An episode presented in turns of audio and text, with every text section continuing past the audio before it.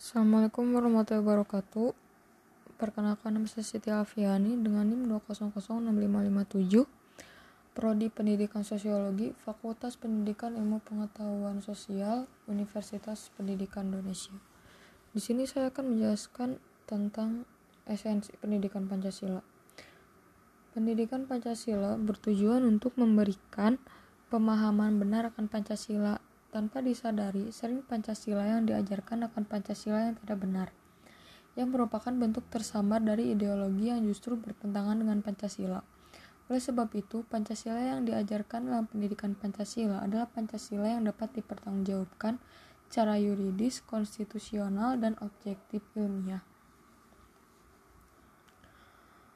Pendidikan menetapkan kurikulum tingkat satuan perguruan tinggi wajib memuat mata kuliah pendidikan agama, pendidikan kewarganegaraan, dan bahasa Indonesia serta bahasa Inggris.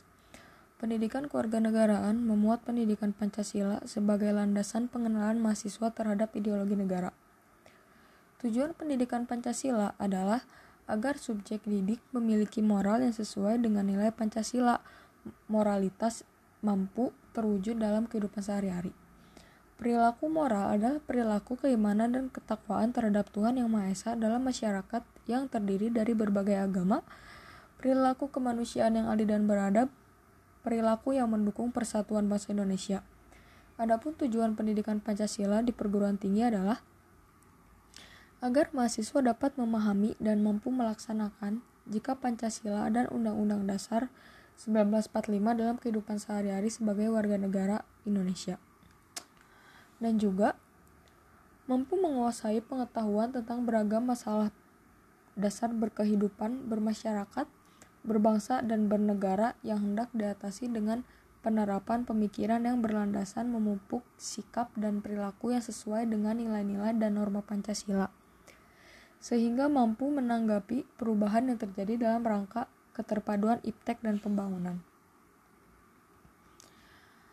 Dan juga membantu mahasiswa dalam proses belajar, proses berpikir, memecahkan masalah, dan mengambil keputusan dengan menerapkan strategi heuristik terhadap nilai-nilai Pancasila. Generasi penerus melalui pendidikan Pancasila diharapkan mampu mengantisipasi hari depan yang senantiasa berubah dan selalu terkait dengan konteks dinamika budaya, bangsa, negara dalam hubungan internasional, serta memiliki wawasan kesadaran bernegara untuk bela negara dan memiliki pola pikir, pola sikap, dan perilaku yang cinta tanah air berdasarkan Pancasila. Semua itu diperlukan demi tetap utuh dan tegaknya negara kesatuan Republik Indonesia.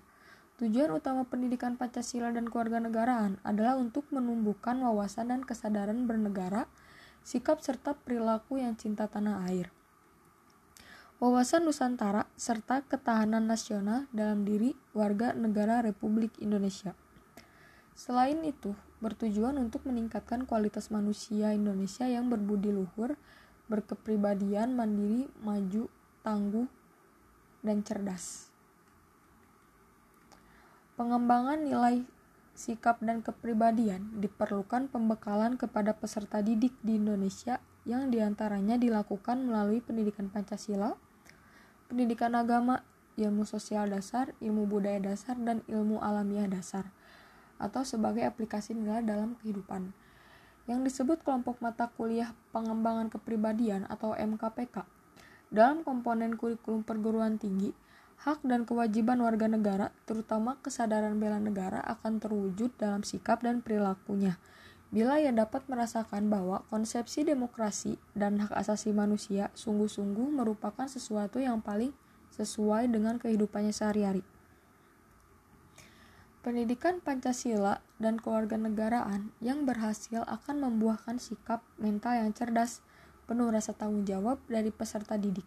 Sikap ini disertai dengan perilaku yang beriman dan bertakwa kepada Tuhan Yang Maha Esa serta menghayati nilai-nilai filsafah bangsa, berbudi pekerti luhur, berdisiplin dalam bermasyarakat, berbangsa dan bernegara, rasional, dinamis, dan sadar akan hak dan kewajiban sebagai warga negara, bersifat profesional yang dijiwai oleh kesadaran bela negara, dan aktif memanfaatkan ilmu pengetahuan teknologi dan seni untuk kepentingan kemanusiaan, bangsa, dan negara.